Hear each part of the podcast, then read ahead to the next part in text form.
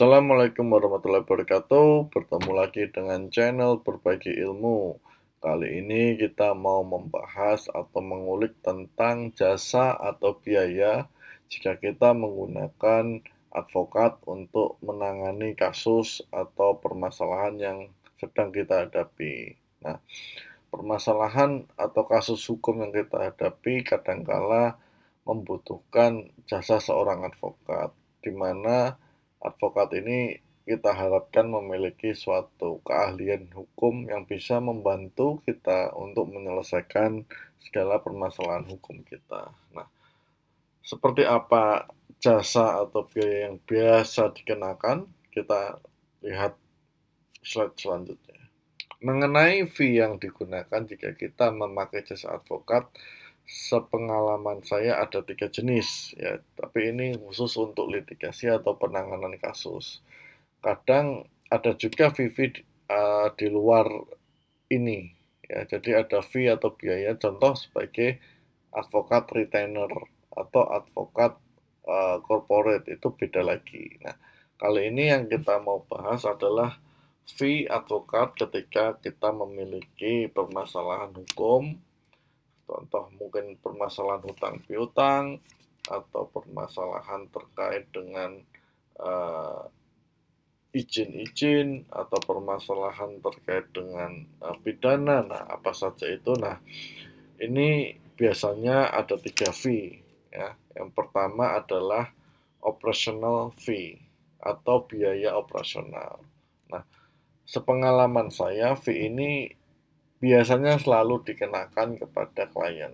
Kenapa? Karena ini adalah biaya yang harus dikeluarkan oleh advokat atau kuasa hukum untuk keperluan pembelaan, seperti biaya transportasi, harus datang ke pengadilan, harus melihat lokasi, mungkin lokasi permasalahan, menemui apa namanya pihak-pihak saksi dan sebagainya. Kemudian juga ada juga biaya fotokopi, fotokopi, biaya surat menyurat dan lain-lain. Artinya segala keperluan operasional itu dibebankan kepada klien. Nah, berapa besarannya? Tentu besarannya tidak ada patokan resminya. Kenapa? Karena tergantung pada satu tingkat kesulitan dari permasalahan hukum yang dihadapi. Ya, yang kedua bisa jadi uh, daerah. Contoh, permasalahan hukum terjadi di uh, Jawa, sedangkan domisili kliennya ada di luar Jawa. Nah, itu harus membutuhkan uh, biaya transportasi dan sebagainya yang lebih besar dibandingkan permasalahan hukumnya ada di, di Jakarta, kemudian kliennya juga tinggal di Jakarta itu lebih lebih singkat atau lebih murah. Nah, yang kedua fee atau biaya yang dikenakan adalah lawyer fee. Nah, lawyer fee ini apa? Ini adalah biaya penggunaan terkait dengan kompetensi atau keahlian si advokat itu. Seperti konsultasi, kita meminta saran dan sebagainya, saran hukum apa yang harus dilakukan. Kemudian si advokat akan mewakili kita, tentu dia harus memiliki argumentasi untuk menghadapi pihak lawan atau untuk menyampaikan kepada media, kemudian kemampuan atau kalian membuat gugatan, jawaban, somasi dan sebagainya lah ya yang terkait dengan keperluan hukum kita. Nah, lawyer fee ini besarnya berapa? Ini juga sama dengan operational fee tidak ada patokannya. Artinya ada lawyer yang memasang tarif tinggi karena memang sudah terkenal, sudah mampu menghandle perkara-perkara yang cukup banyak. Ada yang uh, menarif tidak terlalu tinggi. Ya, semuanya itu tergantung dari tingkat kesulitan permasalahan. Kalau menurut saya seperti itu, ya. Kenapa? Karena kalau permasalahannya cukup simpel, itu biasanya jalan keluarnya juga lebih simpel. Tapi kalau permasalahannya cukup rumit, itu bisa jadi penyelesaiannya atau kasusnya itu diselesaikan tidak dalam uh, solusi yang sederhana, sehingga lawyer fee-nya pasti berbeda. Ya. Nah, Yang ketiga, sepengetahuan saya ada yang namanya success fee. Nah, fee ini sifatnya sepengalaman saya tidak wajib.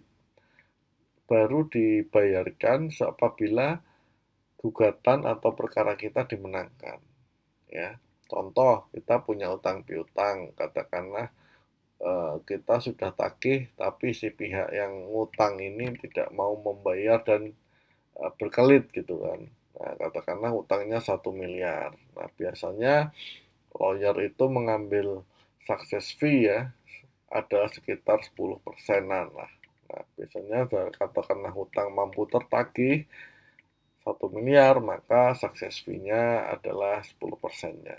Seperti itu. Nah, nah dari ketiga biaya atau fee ini sebenarnya tidak juga mengikat harus tiga-tiganya ada ada lawyer yang juga melakukan katakanlah mendapatkan klien masalah X, masalah hukum katakanlah perceraian, masalah tanah dan sebagainya, dia langsung bilang oke okay, semuanya biayanya sekian.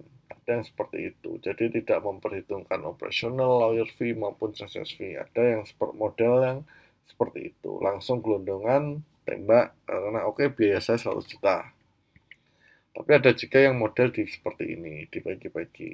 Nah, jadi itu semua tergantung dengan uh, tipikal atau lawyer itu sendiri. Jadi berbeda-beda. Nah, itu mengenai biaya-biaya atau fee yang ketika kita menggunakan jasa seorang advokat untuk melakukan pembelaan hukum. Ya, nah itu saja dari saya. Mudah-mudahan informasi ini bisa memberikan manfaat, memberikan insight bagi Anda. Terima kasih sudah menonton. Silahkan share informasi ini jika menurut Anda cukup berharga kepada rekan Anda maupun kolega Anda.